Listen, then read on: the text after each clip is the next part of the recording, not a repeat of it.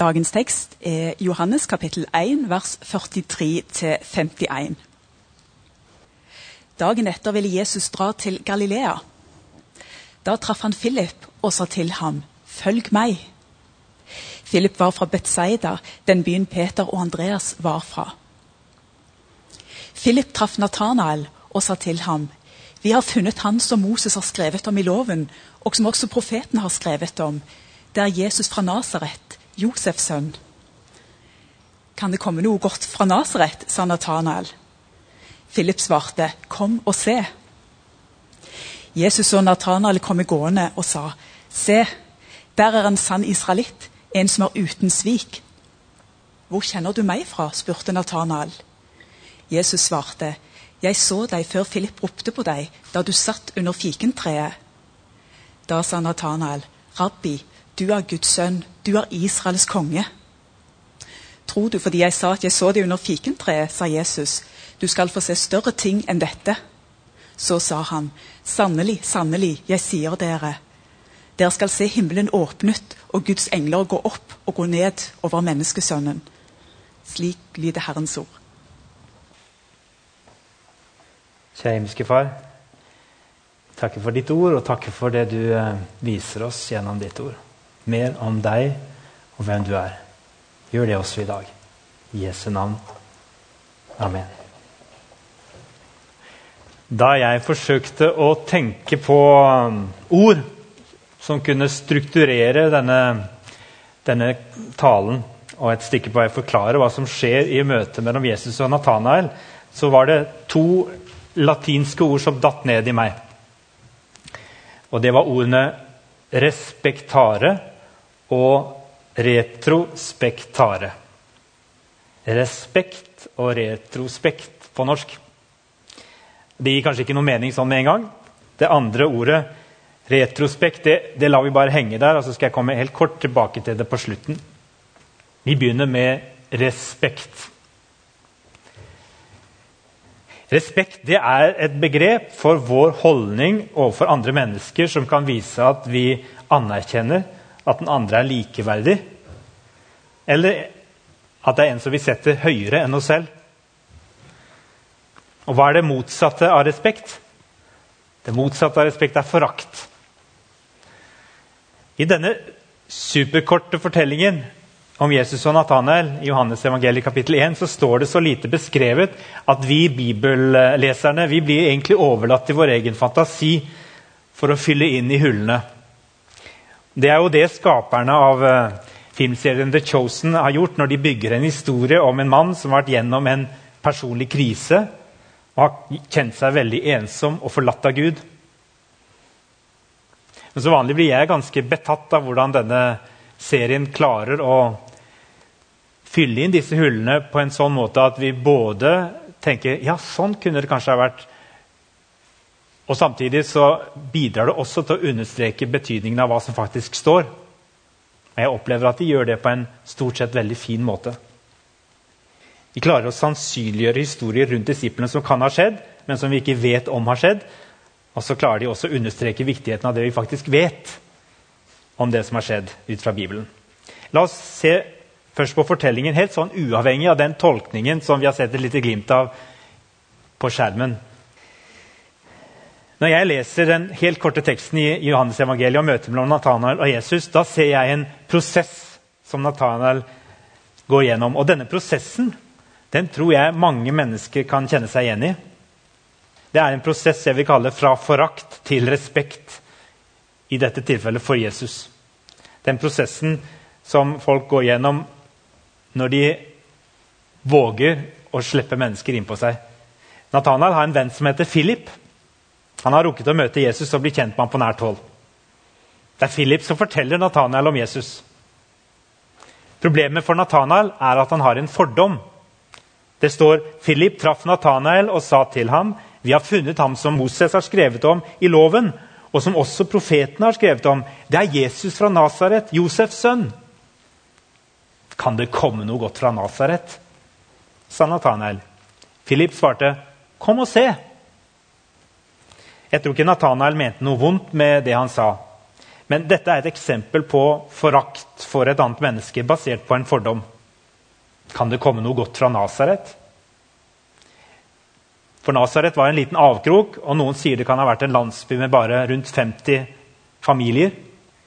Dessuten sto det ingenting i profetiene om at Messias skulle komme fra Nasaret. Det sto noe om Betlehem. Var ikke dette bare en oppkomling med litt for høye tanker om seg selv? Det hadde kommet flere sånne. Så kanskje var ikke forakten helt uten grunn. ikke sant? Og Det er ofte sånn med fordommer at de er ikke helt uten grunn. De bunner ofte i noen erfaringer vi har gjort oss. Enda en som påstår at han er Messias, også fra Nasaret. Philip svarte 'kom og se', og det er det beste svaret som kan gis når vi selv eller andre har fordommer om mennesker. Når vi trekker slutninger ut fra hvilken bakgrunn folk har, uten å kjenne dem. Kom og se selv! Mange kjenner Jesus bare på avstand, ikke minst her i Norge. Kanskje kjenner de en del av dem som kaller seg for hans venner og familie. Og det er ikke alltid vi har imponert, dessverre. Så vi kan nok oppleve en god del forakt bare ved å kalle oss kristne. Da gjelder rådet også for oss om ikke bare å argumentere for Jesus, selv om det også kan være nødvendig av og til, men på et tidspunkt bare si 'Kom og se'. Gjør deg opp din egen mening. Det også Philip kunne ha sagt, som omtrent hadde betydd det samme, det er Se en gang til, Nathanael. Ikke bare slå deg til ro med det første du tror du har sett av Jesus. Se en gang til. Ordet respekt det kommer fra latinsk 'spektare'. Det betyr å se eller å skue framfor seg. Og satt sammen med 're', som betyr å repetere og gjøre igjen, så får vi ordet 'respektare' norske verbet har direkte oversatt meningen å se om igjen eller å se en gang til. Jeg syns det er så flott at ordet 'respekt' har denne språklige bakgrunnen. For det hjelper oss til å forstå helt konkret hva det vil si å vise respekt i praksis. Og ikke vise forakt. Vi må være villige til å se en gang til. Til å se mennesker på ordentlig. Ikke bare ut fra det første overfladiske blikket, men som veldig ofte vil naturlig nok være preget av våre fordommer og erfaringer og forenklinger, som fordommer egentlig er. Alle mennesker fortjener å bli sett minst to ganger. For når vi bare har kastet et raskt blikk på dem, da har vi egentlig ikke sett dem.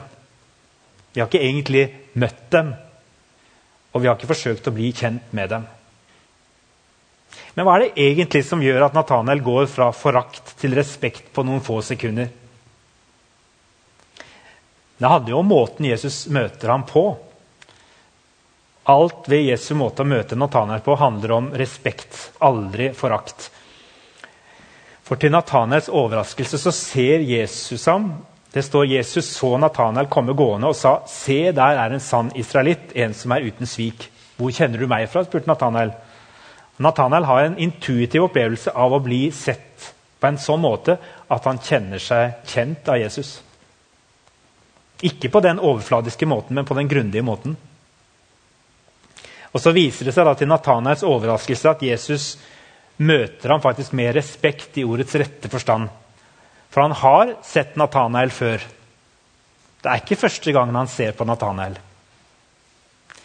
Jesus svarte, 'Jeg så deg før Philip ropte på deg da du satt under fikentreet.' Det kan se ut som om Johannes evangeliet bare en, beskriver noe helt sånn enkelt, og så gjør jeg nå veldig mye ut av disse småordene. Men det er sånn med Johannes evangeliet at det ligger alltid dyp under. Han prøver å beskrive noe om oss disipler i møte med Jesus. Så det er noe, alltid noe sånn universelt og dypt under disse små, enkle setningene i Johannes evangeliet. Hva er det som gjør at uh, dette Jesus sier og gjør, slår Nathanael helt ut, og at han går fra forakt til respekt og anerkjennelse på få sekunder i sin respons. Jeg tror ikke det bare er det at Jesus virker for å være synsk. Selvfølgelig, Det er sånn det framstår for oss. Det er det som er utslagsgivende her. Med et enkelt tegn har Jesus bevist at han er i stand til å se hendelser med sitt indre blikk uten å ha vært fysisk til stede Kanskje er det det, men jeg tror i så fall det, det må ha fått en større mening for Nathanael enn bare at Jesus var synsk. Jeg tror det ligger i dette med måten Jesus ser på ham på, ikke bare én gang, men flere ganger. Til Nathanaels store overraskelse så blir han møtt med respekt og anerkjennelse, nesten som en likeverdig. Selv om Philip nettopp har fortalt ham at han tror han har funnet Messias. Så hvis dette er Messias, så forventer han på en måte at det er en som i det minste breser seg og gjør seg til noe stort. Isteden er ikke Jesus opptatt av seg selv, i det hele tatt, men han er opptatt av Nathanael, og han møter han som om han er en likeverdig og løfter ham opp. Jesus er eh, ydmyk og ser mer på Nathanael enn på seg selv. Han ser Nathanael flere ganger. Og Det gjør ikke bare inntrykk på Nathanael. I et sånt Kairos-øyeblikk, et sånt helt spesielt hellig øyeblikk da nye innsikter kommer i rasende fart, så skjønner Nathanael plutselig at den som står foran ham, er Guds sønn. Ja, et menneske, ja, men også Guds sønn. Og Den erfaringen må ha kommet av måten Jesus ser ham på. At Nathanael etterpå møter Jesus med respekt tilbake, det kommer av måten han selv er blitt møtt med respekt på av Gud gjennom Jesus. Vår Gud han er en Gud som overrasker. For det blikket Jesus satte på Nathanael, det var ikke unikt for Nathanael. egentlig. Gud møter aldri noe menneske med forakt og fordommer, slik vi mennesker ofte gjør. Selv om han er Gud, og selv om han kan ha all mulig grunn til å se ned på oss og fokusere på våre feil og mangler, så er det faktisk ikke det han gjør. Han møter oss med respekt. Det står at han skapte mennesket i sitt bilde til mann og kvinne. Der ligger allerede denne voldsomme respekten han har for oss mennesker.